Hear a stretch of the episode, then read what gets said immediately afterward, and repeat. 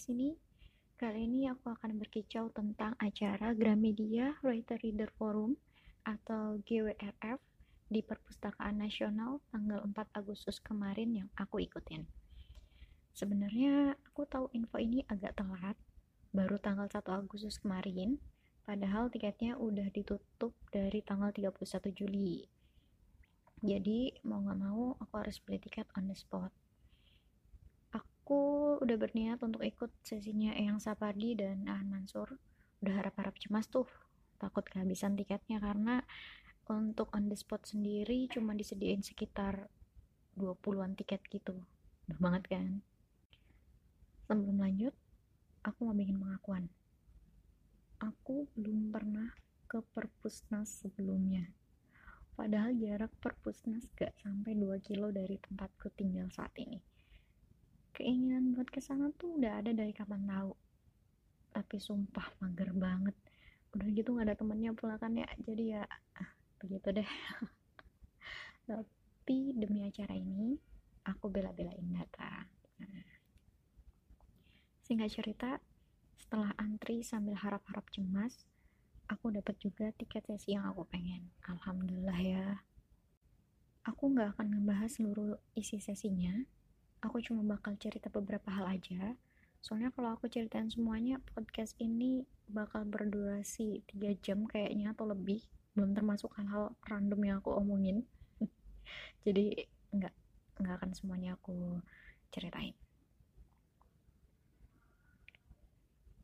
Sesi pertama yang aku ikutin ini judulnya antara puisi dan prosa dengan narasumber Sapardi Djoko Damono dan Yudhistira Masardi siapa sih yang gak kenal?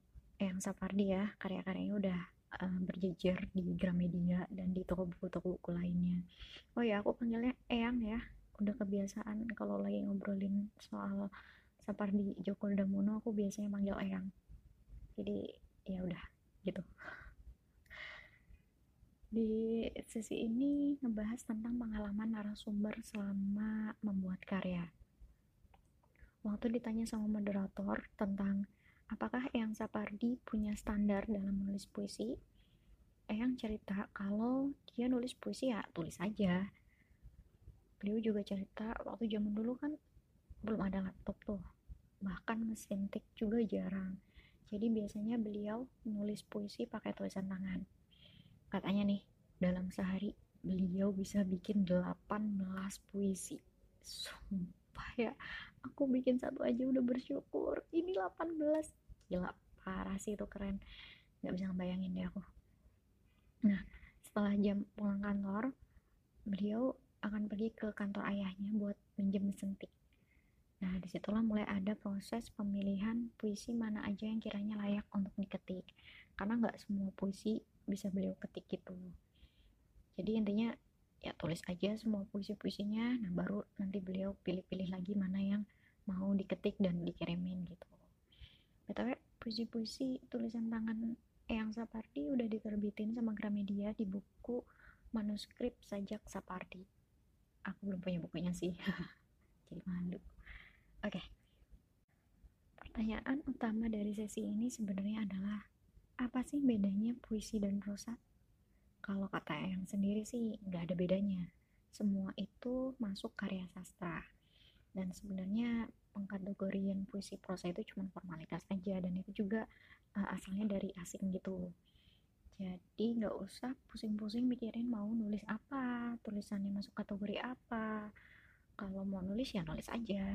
Nah ini juga disetujuin sama pembicara kedua Pak Yudhistira beliau bilang suka-suka gue mau nulis apa yang penting tetap nulis intinya gitu itu prinsip beliau sebenarnya ada satu pertanyaan yang menarik dari salah satu peserta yang ikut di sesi ini.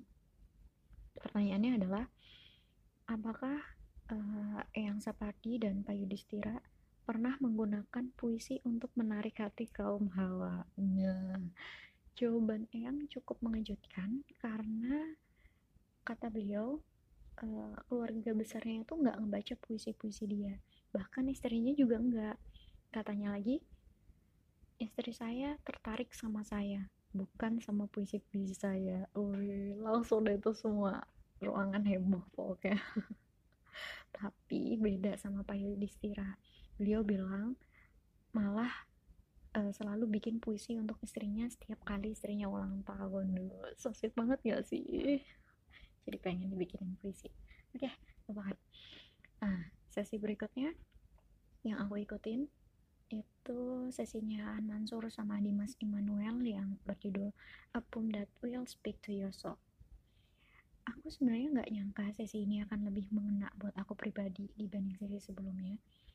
Sesi ini beneran ngebahas puisi lebih dalam lebih uh, jauh terus di sini juga ngebahas tentang pandangan-pandangan Mansur tentang puisi itu sendiri. Dan itu bener-bener ngena banget buat aku. Bener-bener apa ya wow banget lah intinya. Walaupun sebenarnya sesi ini nggak seserius itu sih. Masih uh, disisipi candaan-candaan yang bikin peserta heboh ketawa juga. Kayak gitu. Nah uh, orang kan umumnya menganggap kalau puisi itu sastra yang berat dan selalu berpikir kalau penyair itu ya serem, gondrong, suka menyendiri di depan jendela sambil ngopi, kerek pula gitu-gitu kan ya. Tapi enggak, kalau kata kakak enggak kok. Puisi bukan cuma terbatas untuk segelintir orang atau untuk orang-orang tertentu aja enggak puisi juga bisa buat semuanya kayak gitu dan penyair juga enggak segitunya kok penyair juga orang biasa orang yang bisa bercanda dan lain sebagainya. Enggak se eksklusif itu kayak gitu. Pokoknya pandangan-pandangan kayak gitu tuh enggak benar sama sekali. Dan ketika moderator nanya apa sih yang bikin narasumber atau Kak An dan Kak Adimas ini jatuh cinta sama puisi, Kak Adimas langsung bilang, saya tidak jatuh cinta sama puisi, tapi puisi yang jatuh cinta sama saya. Oke, baik. Semua ketahuan deh tuh. Menurut Kak Ani, uh, dia selalu membayangkan pembaca itu seperti ibundanya. Dan puisi adalah rumah yang dibuat untuk beliau dia ingin pembaca menemukan dirinya lewat puisi yang dia buat. Itulah kenapa puisi-puisi Kaan terasa personal buat kita, buat para pembaca. Katanya lagi, puisi itu bukan sekedar mengkatakan sesuatu, tapi juga mengkitakan sesuatu. Iya, something banget kan. Sedang buat Kaan sendiri, puisi-puisi itu sebagai media dia untuk mempertanyakan hal-hal yang ada di sekitarnya, bukan sebagai curhat kondisi perasaan dia saat itu. Jadi bagi Kak Aan, puisi itu bukan jawaban, tapi pertanyaan. Ketika semua orang ingin meringkus dunia menjadi satu jawaban, puisi malah ingin memecah dunia menjadi pertanyaan-pertanyaan. Lalu makin lama makin dalam kan ya bahasanya. Itu emang sumpah aku kagum banget aku wow banget selama mengikuti sesi ini dan sebenarnya masih banyak banget hal yang dibahas selama sesi ini berlangsung dan makin dalam juga pembahasannya tapi jujur aja aku nggak bisa menyampaikan ulang dengan sederhana apa-apa yang tadi dibahas apalah aku ini. Jadi ya intinya dari dua sesi yang aku ikutin di hari terakhir QRF ini adalah kalau mau nulis ya nulis aja. Tapi harus banyak-banyak baca juga. Jangan males. Dan mulai aja dari satu huruf nanti juga keterusan kok gitu. Terus gak apa-apa. Kalau awalnya niru gaya penulis favorit pada akhirnya kamu bakalan nemuin identitas tulisan kamu kok kalau kamu nggak berhenti nulis. Kayak gitu. Terus buat kamu yang suka nulis puisi jangan peduliin apa kata orang. Kalau ada yang bilang sok putis iyain aja. Kalau dikatain suka galau mulu ya emang. Terus kenapa? Pokoknya lakuin aja apa yang kamu suka jadi diri sendiri nggak perlu minder. Terus puisi itu biasanya bagus kalau setiap pembaca bisa menemukan diri mereka di dalam puisi itu.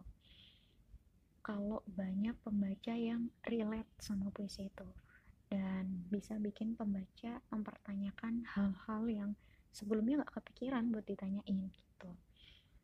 Emang gak gampang bikin puisi yang kayak gitu. Tapi emang ada yang mudah di dunia ini. Iya. Oke.